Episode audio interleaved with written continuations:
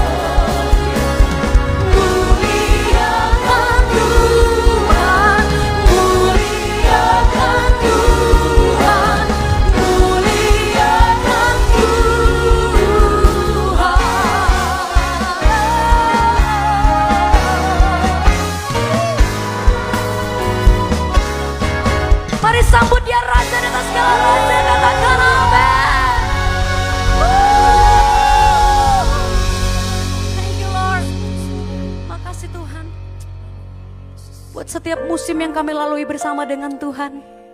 Kami tahu tidak ada satu hari pun yang berlalu tanpa Tuhan campur tangan dalam hidup kami. Sebab itu kami datang dengan ucapan syukur kami bagimu Tuhan. Tuhan baik buat kami. Tuhan baik untuk keluarga kami. Tuhan baik untuk suami kami. Tuhan baik untuk anak-anak kami. Kasihmu cukup bagi kami Tuhan. Musim akan selalu berganti. Kasih Tuhan tetap abadi. Tak akan berubah sampai selamanya. Ku tetap percaya. Ku yakin Tuhan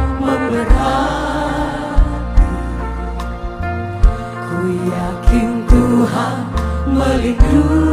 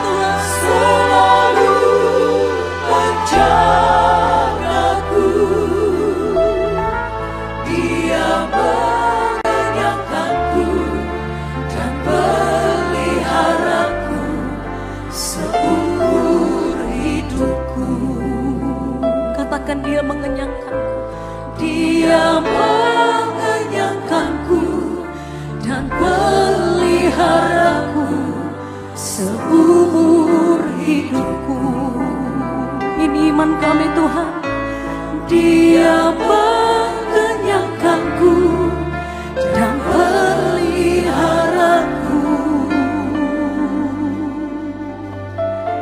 Seumur hidupku.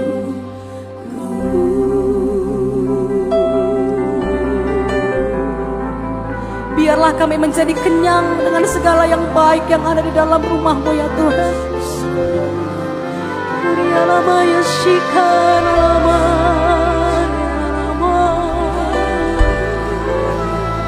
Come here.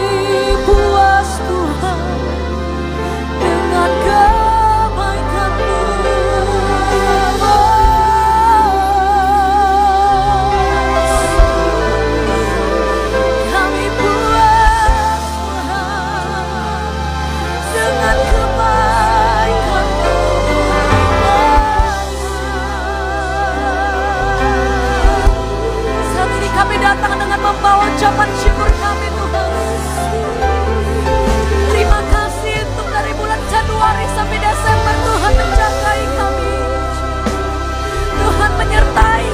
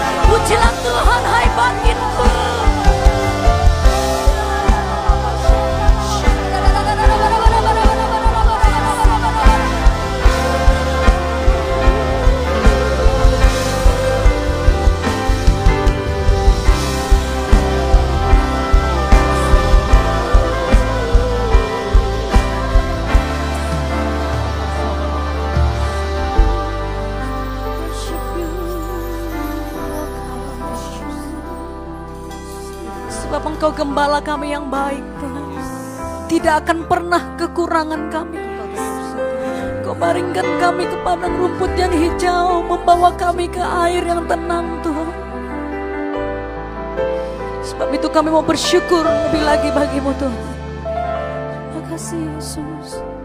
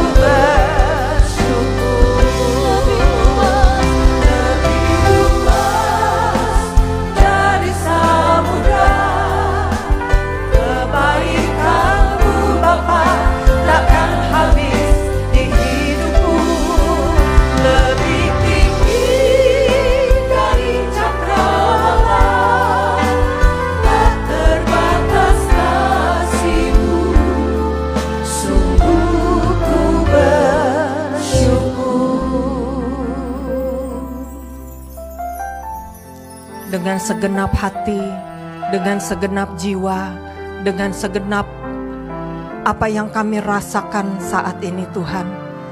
Kami mau bersyukur kepadamu karena kebaikan Tuhan, pemeliharaan Tuhan menyertai kami mulai dari bulan yang pertama di tahun 2020 ini sampai di akhir yaitu di bulan Desember ini. Tuhan kami tahu kalau Tuhan tidak berjalan bersama dengan kami, maka hari ini tidak ada.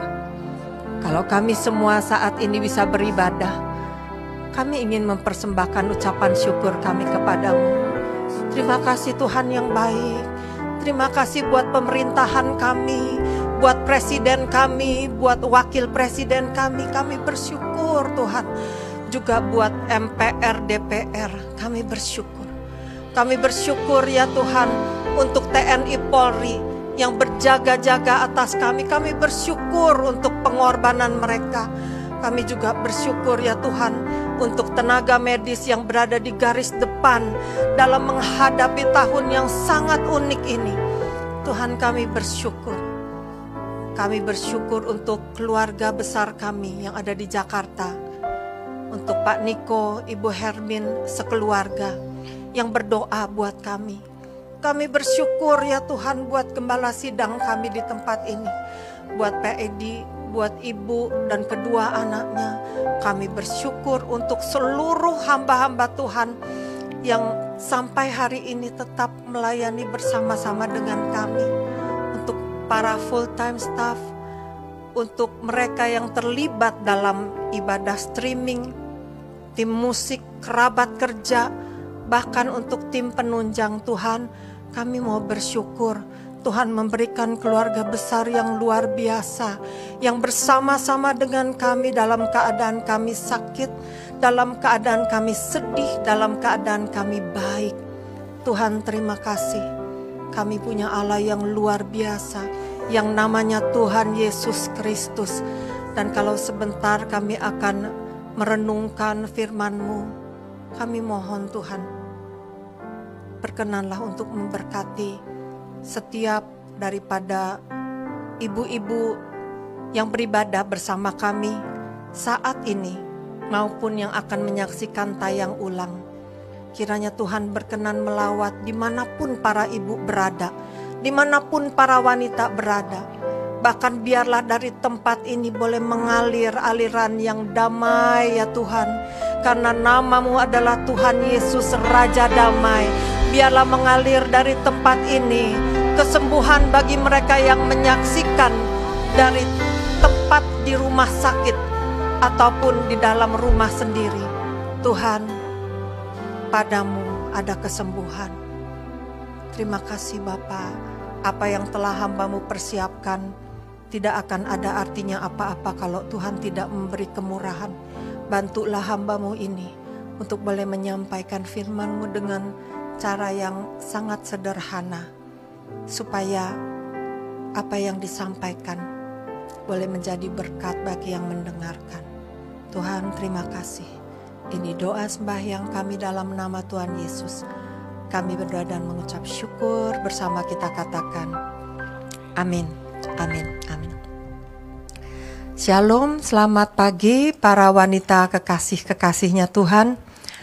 Kita saat ini mau mengucap syukur ya sama Tuhan Pertama-tama untuk tim streaming yang selama sepanjang tahun yang unik ini sudah selalu bersama-sama dengan kami dalam keadaan yang luar biasa. Saya sangat bersyukur kalau kita tetap bisa beribadah di dalam segala keterbatasan yang ada. Bersyukur untuk tim musik, tim doa, tim multimedia, tim sound, petugas kebersihan yang berjaga-jaga terus untuk para pemimpin yang menemani kita senantiasa sehingga hari ini kita tetap bisa beribadah. Saya berharap semua dalam keadaan baik dan tetap dapat mengucap syukur. Sekalipun keadaan sekeliling belum sebaik yang kita harapkan. Karena di dalam ucapan syukur terkandung suatu kekuatan yang besar untuk dapat melanjutkan hidup. Tahun 2020 ini tinggal satu minggu dan ini adalah ibadah WBI terakhir di tahun ini. Saya pribadi merasakan tahun ini cepat sekali lewatnya.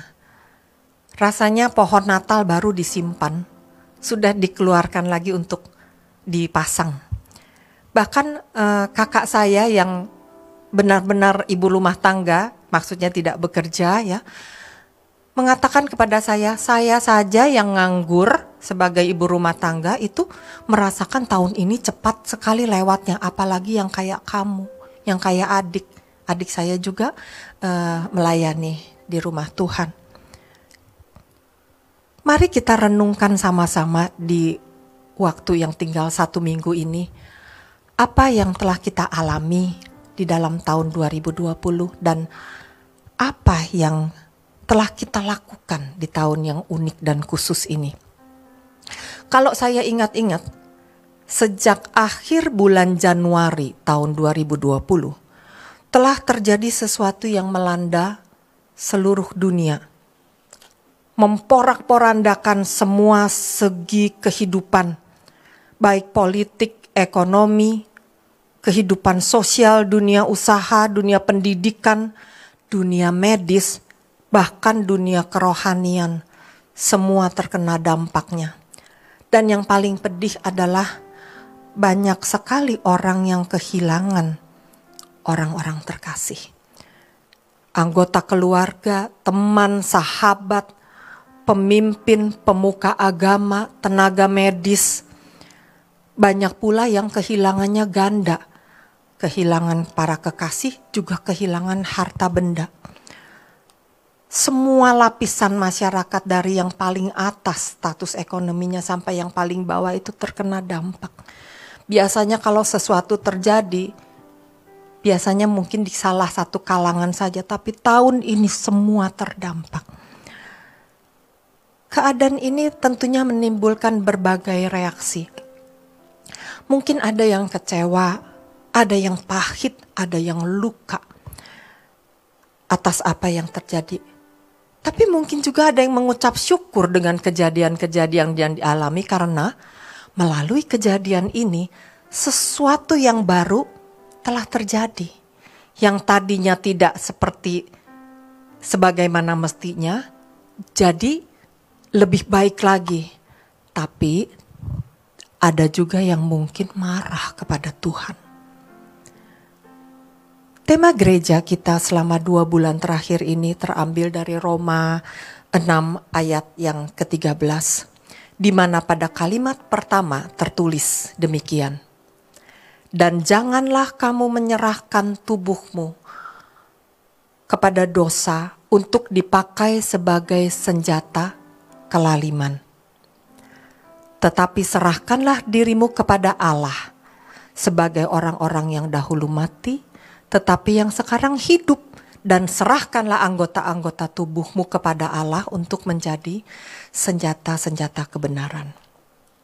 Cara kita bereaksi dapat memperlihatkan pada kita sendiri apakah anggota tubuh kita ini dipakai menjadi alat kelaliman atau alat kebenaran. Karena di dalam sebuah reaksi itu melibatkan banyak anggota tubuh. Pikiran, emosi, tangan, mulut, telinga, semua itu bisa dipakai menjadi alat. Alat yang mana? Alat kelaliman atau alat kebenaran. Dan sebenarnya setiap reaksi lewat perkataan maupun tindakan, yaitu reaksi ketika kita kehilangan, orang yang kita sayangi, ketika kita menderita karena sakit, atau ketika usaha berantakan seperti mimpi itu hancur lebur. Sebenarnya reaksi kita sangat ditentukan oleh siapa yang memimpin hidup kita selama ini.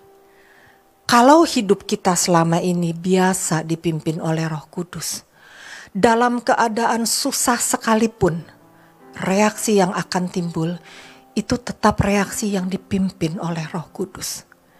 Reaksi yang tidak akan keluar dari relnya, bahkan di dalam keadaan sulit sekalipun, tetap bisa menjadi berkat bagi sesama.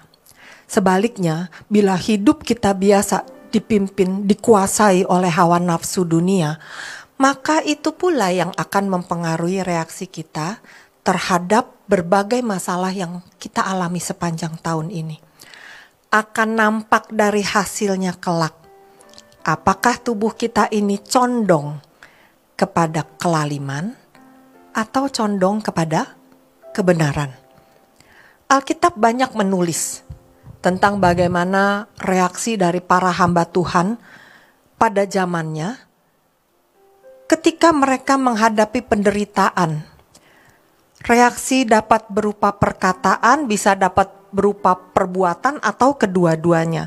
Dan saat ini saya ingin mengajak kaum wanita bersama-sama untuk melihat kepada beberapa pribadi yang ada di dalam Alkitab.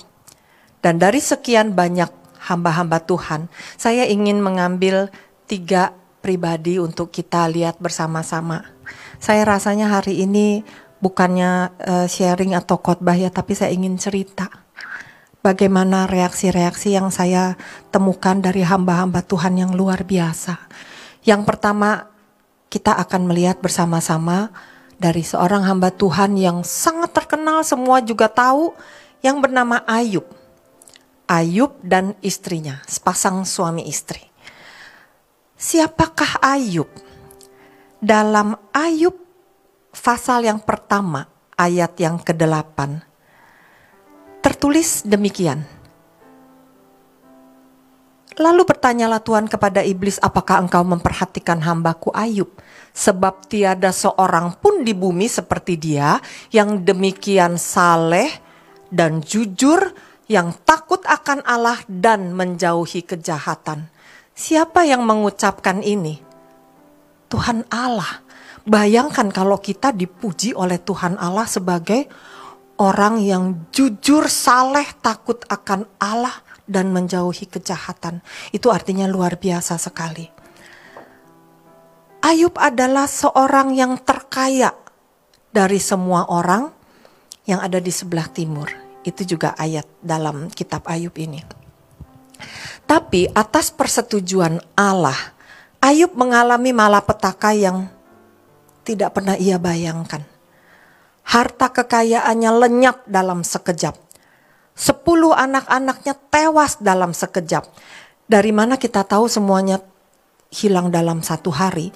Firman Tuhan dalam Ayub Ayub 1 sampai ke semua perikop itu ayat yang uh, Ayub 1 dan 2 maksud saya itu dicatat sementara anak-anaknya berpesta datanglah seorang mengatakan kambing dombanya begini-begini sementara lagi Ayub mendengarkan laporan yang satu, datang lagi hamba tuh hamba Ayub yang lain mengatakan anak-anakmu yang sedang berpesta kena ketiup angin puting beliung semuanya meninggal. Itu bertubi-tubi karena ada perkataan sementara sementara sementara. Jadi waktu saya baca kesimpulan saya pribadi itu dalam satu hari sekejap hilang semuanya yang Ayub miliki.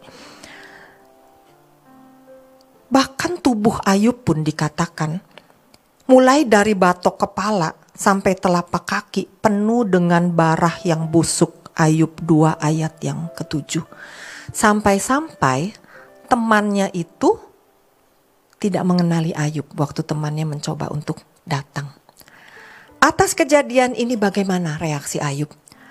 Orang saleh itu dan bagaimana pula reaksi istrinya? Mari kita baca Ayub 2 ayat yang ke-9 demikian.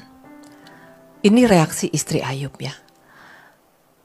Maka berkatalah istrinya kepadanya, masih bertekunkah engkau dalam kesalehanmu? Kutukilah Allahmu dan matilah. Berbeda dengan reaksi Ayub. Tercatat dalam ayat yang ke-10, tetapi jawab Ayub kepadanya, engkau berbicara seperti perempuan gila Apakah kita mau menerima yang baik dari Allah tetapi tidak mau menerima yang buruk? dalam kesemuanya itu Ayub tidak berbuat dosa dengan bibirnya. Ayub belum paham dalam ayat ini bahwa sesungguhnya Allah tidak pernah memberikan sesuatu yang buruk. Karena dalam Yakobus 1 ayat 17, Yakobus 1 ayat 17 dikatakan setiap pemberian yang baik dan setiap anugerah yang sempurna datangnya dari atas, diturunkan dari Bapa segala terang Padanya tidak ada perubahan atau bayangan karena pertukaran. Jadi sampai di ayat ini Ayub belum paham benar tentang siapa Allah yang dia beribadah kepadanya dengan saleh, dengan takut, dengan tidak melakukan kejahatan. Kalau kita membaca keseluruhan kitab Ayub, kita akan mengerti bahwa Ayub tetap setia kepada Allah dalam keadaan apa pun. Sehingga akhirnya tercatat di dalam Ayub 42 ayat yang ke-10, Ayub dipulihkan dan Tuhan memberikan dua kali lipat dari segala kepunyaannya dahulu. Bagaimana dengan istrinya? Alkitab memang tidak mencatat apakah istri Ayub itu bertobat akhirnya atau tidak. Tapi dalam sejarah bangsa Israel itu dikatakan bahwa Ayub adalah seorang yang monogamus. Dia bukan orang yang monogami. Monogamus artinya beristri satu sehingga diperkirakan pada waktu dipulihkan pun istrinya itu tetap sama. Reaksi Ayub untuk tetap setia dan percaya kepada Tuhan saat mengalami penderitaan kesukaran yang besar telah membawa Ayub kepada pengenalan yang benar tentang Allah. Ayub 42 ayat 5 ya. Ayub berkata dahulu, aku hanya mendengar dari kata orang saja. Ayub 42 ayat yang kelima. Tetapi setelah Ayub mengalami semuanya, Ayub bisa mengatakan, menyaksikan dengan matanya sendiri bahwa Tuhan itu adalah Tuhan yang luar biasa, Tuhan yang baik. Yang perlu kita perhatikan dari kisah Ayub adalah bahwa dalam hidup ini, hal-hal yang dianggap baik, seperti kekayaan berlimpah, jabatan yang tinggi, nama besar seseorang, dapat dipakai sebagai tutup untuk menyelubungi dosa atau kelemahan orang akan cenderung menutup mata apabila dosa itu dilakukan oleh seseorang yang punya harta banyak, jabatannya tinggi, atau orang yang banyak berbuat baik, atau seorang yang sangat terkenal. Biasanya dosanya itu tertutup. Orang berkata, "Ya, udahlah, jangan uh, obok-obok masalah pribadi. Yang penting dia bekerja." Tapi tidak demikian di mata Tuhan. Sebaliknya, hal-hal yang dianggap tidak baik, seperti penderitaan atau kesukaran, akan membuka selubung yang menutup tadi untuk memperlihatkan bagaimana sebenarnya wajah seseorang, wajah asli seseorang. Bila Ayub penderitaannya telah membuktikan iman yang tak tergoncangkan, reaksi Ayub adalah tetap berpegang pada iman percayanya. Maka bagi istri Ayub yang terbiasa hidup sebagai istri orang kaya, nyaman, istri dari orang yang dihormati, pastikan juga ikut dihormati ya. Penderitaan itu telah membuat menyingkap bagaimana sebenarnya keadaan yang sebenarnya dari dari dirinya sendiri reaksi daripada istri Ayub adalah dia marah kepada Tuhan, juga marah kepada suaminya.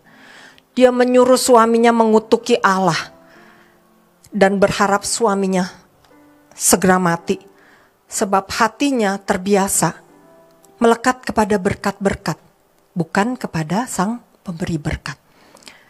Dalam masa yang sukar, istri Ayub telah membiarkan lidah dan pikirannya dipakai menjadi alat kelaliman. Pasangan kedua yang saya juga ingin ceritakan di sini adalah tentang Yusuf dan tunangannya yang bernama Maria. Maria ibu yang melahirkan bayi Yesus. Siapakah Yusuf? Matius 1 ayat 19 mencatat bahwa Yusuf adalah seorang yang tulus hati. Yusuf ini dikenal sebagai seorang yang sederhana, bukan orang kaya seperti Ayub, dan dia orang yang eh, pekerjaannya tukang kayu, ya. Dalam Matius 1 ayat 18 sampai 25 yang tidak akan saya bacakan karena waktu, tercatat kisah tentang Yusuf dan tunangannya Maria di mana Maria itu beroleh kasih karunia dari Allah. Ia terpilih untuk mengandung bayi dari Roh Kudus. Saya berpikir kalau sampai seorang wanita itu dipilih oleh Allah sendiri untuk dipakai tubuhnya untuk menggenapi rencana penyelamatan Tuhan atas dunia, maka tentunya Maria itu bukan orang yang biasa-biasa saja, bukan orang yang sembarangan. Ada sesuatu nilai baik, nilai indah, nilai yang kuat yang Allah itu lihat di dalam pribadi seorang Maria.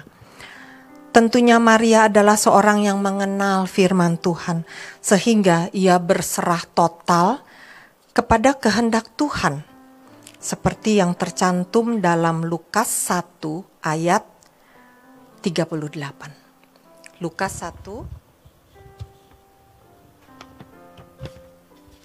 ayat yang ke-38. Maria tahu dia adalah hamba Tuhan. Atas keinginan Tuhan, Maria berkata sesungguhnya aku ini adalah hamba Tuhan, jadilah padaku menurut perkataanmu itu. Lalu malaikat itu meninggalkan dia.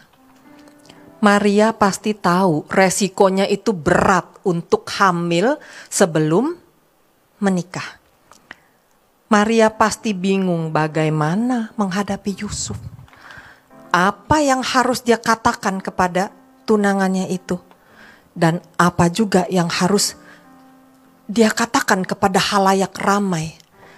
Namun, Maria menempatkan diri sebagai hamba Tuhan atas tugas yang Allah berikan. Reaksi Maria adalah taat kepada rencana Allah dengan cara bersedia mempersembahkan tubuh keperawanannya untuk dipakai mengandung bayi dari Roh Kudus. Lukas 1 ayat 38 ini mencatat, Sesungguhnya aku ini adalah hamba Tuhan, dia pasrah. Bagaimana reaksi Yusuf? Matius 1 ayat 19 memperlihatkan bahwa pertama-tama Yusuf itu saat mengetahui bahwa tunangannya itu hamil sebelum mereka bersatu, dia ingin menceraikan dengan diam-diam. Ia tidak mau mencemarkan nama baik istrinya. Kenapa? Karena Yusuf adalah seorang yang tulus hati. Bayangkan kalau reaksi Yusuf itu sebaliknya dia umbar kemarahannya, kekecewaannya. Dia bilang ke seluruh desa apa yang terjadi dengan calon istrinya yang tentunya sangat memalukan itu. Apalagi kalau zaman itu sudah ada handphone dan internet ya. Pasti mungkin masuk Instagram, masuk ke Facebook segala macam. Tetapi Alkitab mencatat seorang Maria yang luar biasa bertemu dengan seorang Yusuf yang tulus hati Tuhan punya rencana yang indah. Tuhan tahu siapa orang yang dipilihnya. Ketulusan hati Yusuf dinyatakan kembali ketika dia bersedia memperistri Maria. Bahkan Alkitab itu mencatat dia tidak bersetubuh. Matius 1 ayat 25. Yusuf tidak bersetubuh dengan istrinya sampai melahirkan bayi dan menamakan dia Yesus. Bukankah ini adalah suatu reaksi yang luar biasa, beresiko, tapi dia tanggung sebuah reaksi dari hati yang tulus. Dan keputusan dari Yusuf, reaksi yang ditimbulkan oleh Yusuf telah menggenapi rencana penyelamatan Allah atas umat manusia. Pribadi yang ketiga adalah Daud. Siapakah Daud? Daud juga disebut sebagai orang yang berkenan di hati Tuhan. Tertulis dalam 1 Samuel 13 ayat yang ke-14. 1 Samuel 13 ayat 14 ia adalah orang yang berkenan di hatinya, hati Tuhan. Tapi apa yang dialami oleh Daud? Dia dikejar-kejar. Siapa yang mengejar? Mertuanya sendiri. Biasanya yang sering berurusan itu mertua perempuan dengan menantu perempuan. Tapi di sini tercatat mertua laki-laki itu mengejar-ngejar menantu laki-laki. Kenapa? Karena satu kata, iri hati menantunya dipakai Tuhan lebih daripada mertuanya. Dan dalam pelariannya itu, dalam uh, maksudnya ketika dikejar untuk dibunuh, sebenarnya dua kali Tuhan itu menyerahkan mertuanya itu ke dalam tangan Daud. Ketika penjaga-penjaganya lengah, saya percaya saya tidak bisa bacakan ayatnya ya karena waktu jadi ketika penjaga-penjaganya dibuat lengah oleh Tuhan, di situlah sebenarnya Daud bisa membunuh supaya selesailah penderitaannya tidak dikejar-kejar lagi. Tapi dua kesempatan yang Tuhan berikan itu tidak digunakan Daud untuk membalas dendam. Saya berpikir jangan-jangan itu pun merupakan ujian dari Tuhan untuk Daud. Tuhan ingin melihat reaksinya nih musuhmu ada di depan matamu, apa yang engkau akan perbuat. Tapi ternyata Daud lulus, dia mengambil reaksi yang benar. Dia tidak mau menjamah orang yang diurapi Tuhan. Bahkan Daud itu mengatakan sesuatu yang sangat menjadi berkat buat saya pribadi. Pada saat saya mengalami kesukaran hidup yang tidak saya pahami Mari kita baca 1 Samuel 26 ayat 18 sampai 19a. Lalu berkatalah ia kepada uh, Saul maksudnya ya. Daud berkata kepada Saul, "Mengapa pula tuanku mengejar hambanya ini?" Dia tidak berkata, "Mengapa pula mertua engkau mengejar aku kan mantumu?" Daud tidak berkata seperti itu. Tapi Daud mengatakan, mengapa pula Tuanku mengejar hambanya ini? Apa yang telah ku perbuat? Apakah kejahatan yang melekat pada tanganku? Oleh sebab itu kiranya Tuanku Raja mendengarkan perkataan hambanya ini. Jika Tuhan yang membujuk engkau melawan aku, maka biarlah ia mencium bau korban persembahan. Ini luar biasa di tengah-tengah kesukarannya, Daud berkata, "Kalau memang ini Tuhan yang membujuk engkau untuk mengejar-ngejar aku, untuk melawan, untuk membunuh aku." Daud berharap Tuhan memperhitungkan itu sebagai bau persembahan dari Daud, dari seorang hamba yang bernama Daud. Artinya, reaksi ini reaksi yang sangat menyentuh hatinya Tuhan. Sebuah reaksi yang juga menguatkan saya secara pribadi. Dalam kesesakan-kesesakan yang saya dan suami harus hadapi, yang sering kali membuat kami itu bingung kenapa kok kami mengalami hal ini. Mengapa ada orang tega melakukan hal itu kepada kami, padahal kami tidak melakukan hal yang seperti itu kepada mereka. Cukup sering kami diperhadapkan kepada berbagai pilihan reaksi. Reaksinya itu bisa kami pilih diam atau membela diri atau menyerang balik. Kami bisa memilih hal itu. Bukankah kita sering mendengar istilah silence is golden? Tapi wanita-wanitanya Tuhan ketahuilah ketika kita diam terhadap hal-hal yang dituduhkan kepada kita yang tidak kita lakukan.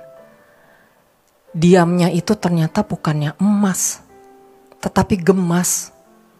Gemas sekali. Kami diperhadapkan kepada pilihan yang seperti itu. Dan perkataan Daud ini sangat menolong kami dalam mengambil keputusan.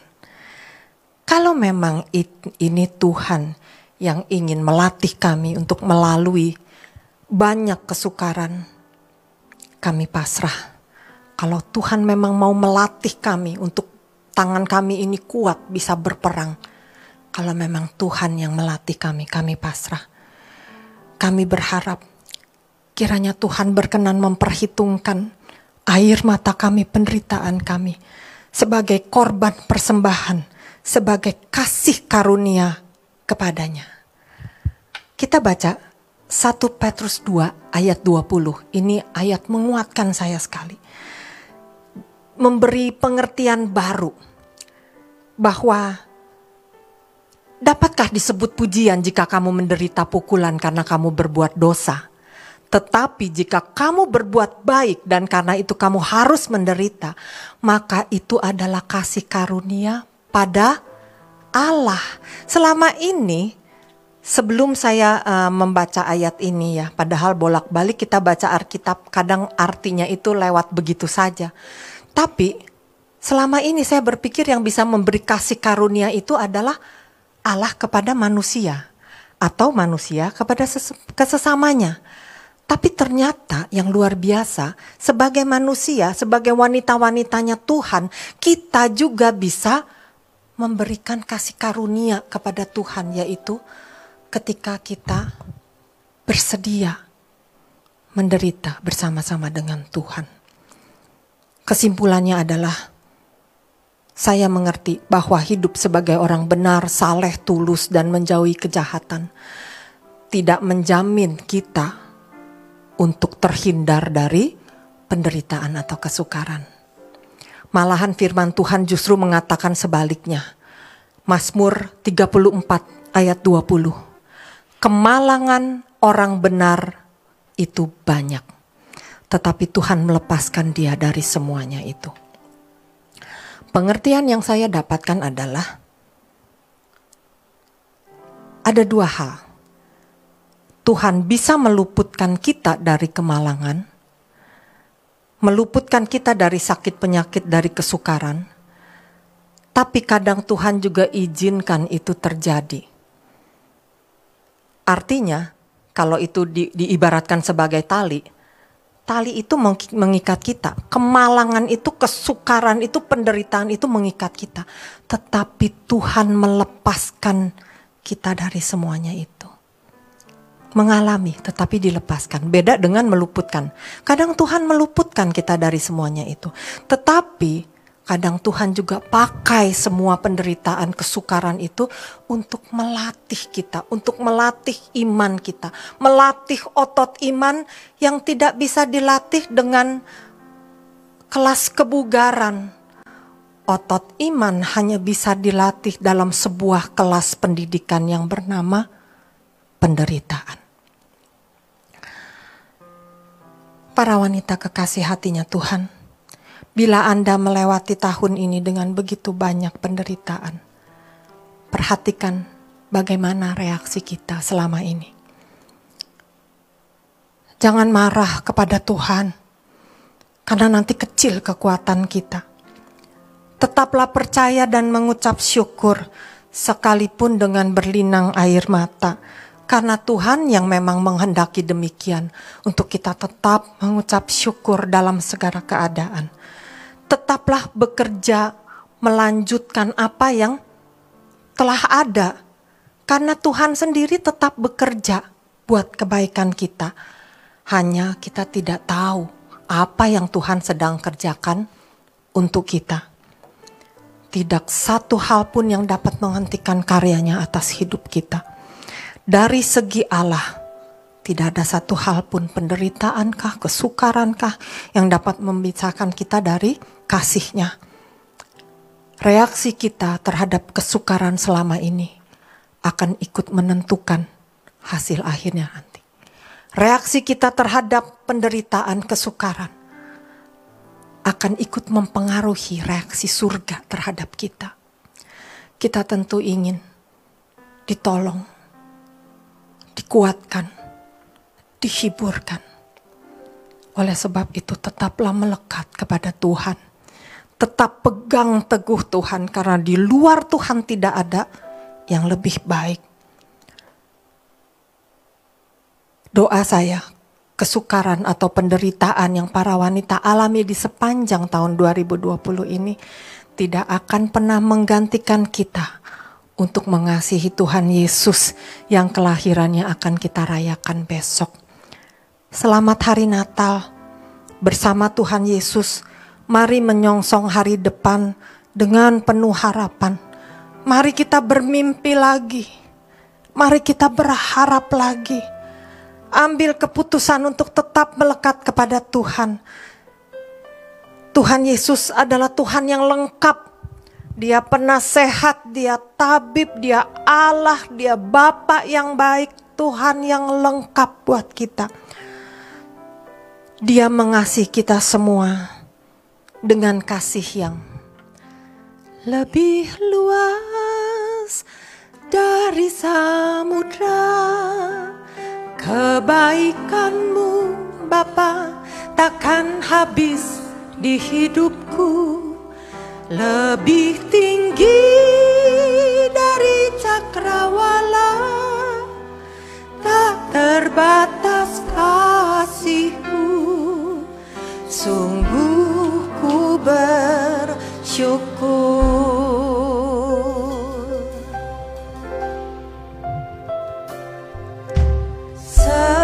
Semusim berlalu namun kau selalu peliharaku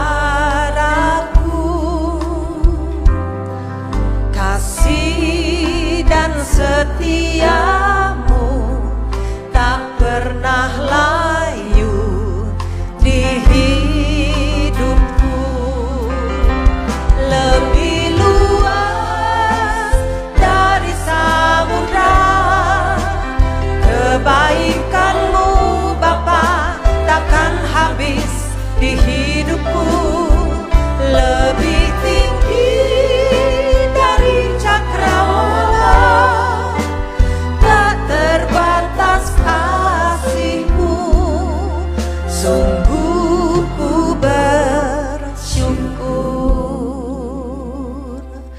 mari para wanita kekasih hatinya Tuhan kita bersama-sama naikkan pujian terindah buat Tuhan sebagai rasa syukur.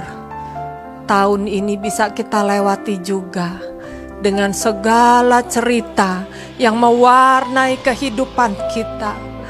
Cerita tentang Tuhan Yesus yang tidak pernah meninggalkan kita dalam keadaan apa pun.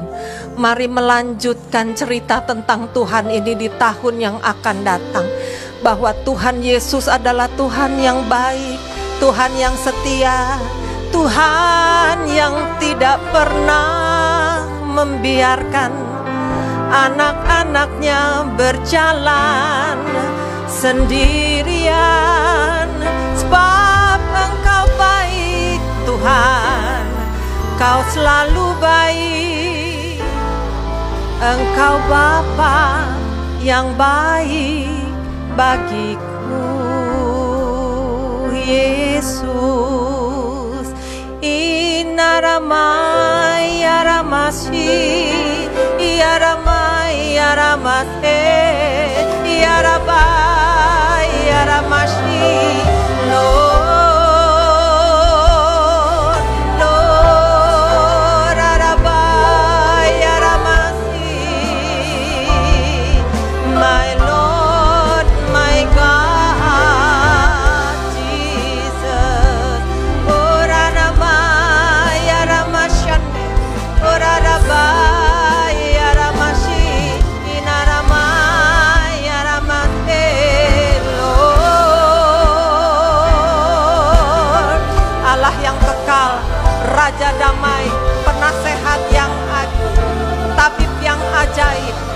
Allah yang berjalan bersama-sama dengan kita sepanjang 2020 dan Allah yang sama akan berjalan bersama kita di tahun-tahun yang akan datang.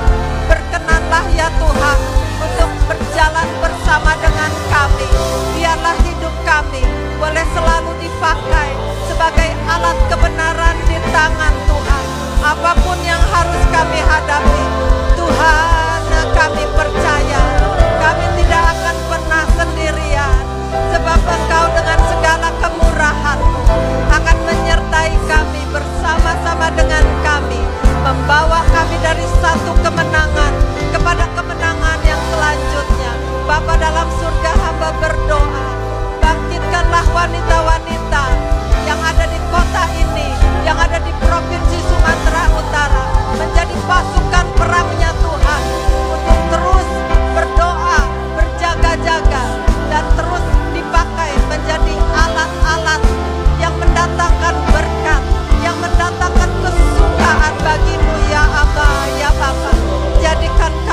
kuat, lebih kuat lagi ya Tuhan melalui apa yang Tuhan izinkan terjadi pada kami. Biarlah itu semuanya menjadi imunisasi yang baik untuk iman kami yang akan membuat kami lebih kuat lagi di dalam bergantung dan berharap kepadamu. Sebab kami percaya di luar Tuhan tidak ada yang lebih baik. Terima kasih Engkau telah menjadi Allah yang lengkap buat kami. Berkenanlah melanjutkan ya Tuhan karyamu di dalam kehidupan kami. Kami berdoa saat ini, Tuhan, biarlah damai sejahteramu, damai Natal boleh turun atas setiap wanita-wanita yang beribadah bersama-sama dengan kami. Berikanlah ya Tuhan kekuatan untuk menjadi wanita-wanita yang berkenan kepada Tuhan, wanita-wanita yang disukai oleh manusia. Kami berdoa juga ya Aba ya Bapa. Kiranya Tuhan berkenan memberikan kepada kami para wanita hati yang rela, hati yang tulus di dalam mengasihi Tuhan, hati yang tulus di dalam beribadah kepadamu, hati yang tulus untuk berserah kepadamu, hati yang tidak berpura-pura di dalam mengasihi Tuhan, sehingga kami juga bisa mengasihi sesama dengan kasih yang tulus. Kami mohon berkatmu ya Tuhan buat gereja ini. Kalau Tuhan sudah berjalan bersama kami di tahun yang sangat khusus dan unik ini, kami percaya Tuhan, Engkau juga yang akan membuat kami kuat untuk berjalan di tahun-tahun selanjutnya. Kau juga yang akan menggenapi rencanamu untuk bisa kami menyelesaikan pembangunan rumah persembahan. Kami bersyukur untuk setiap kemajuan yang ada dalam pembangunan ini. Kami bersyukur untuk setiap umatmu yang setia membawa persembahan sehingga selalu ada persediaan di rumah perbendaharaan. Kami berdoa biarlah Tuhan terus berkenan memberi berkat kepada setiap dari umatmu, kepada setiap mereka yang membawa persembahan. Kiranya Tuhan memberikan senantiasa benih untuk ditabur, roti untuk dimakan, benih untuk disimpan, benih untuk dilipat gandakan. Kami percaya hanya Tuhan yang sanggup melakukan semuanya itu. Dan kami percaya di dalam waktumu, maka rumah persembahan akan rampung seluruhnya. Kami berdoa menyapa dengan shalom buat kota kudus Yerusalem. Shalom Yerusalem. Shalom Yerusalem. Kiranya damai sejahtera kesejahteraan ada pada tembok dan purimu. Kiranya setiap orang yang mengasihimu beroleh syalah dan syalfah. Kami berdoa juga ya Tuhan. Untuk perayaan Natal besok. Berkenanlah melawat kami sekali lagi ya Tuhan. Sebab Engkau adalah pusat ibadah kami, pusat penyembahan kami, pusat kehidupan kami. Terpujilah nama Tuhan. Ini doa sembahyang kami. Kiranya berkatmu menyertai semua wanita yang ada di tempat ini, yang ada di rumah-rumah, di mana pun mereka berada. Kiranya damai Natal memenuhi hidup mereka sekarang sampai selama-lamanya. Dalam nama Tuhan Yesus kami berdoa bersama-sama kita katakan amin, amin, amin. Selamat hari Natal, Tuhan Yesus memberkati.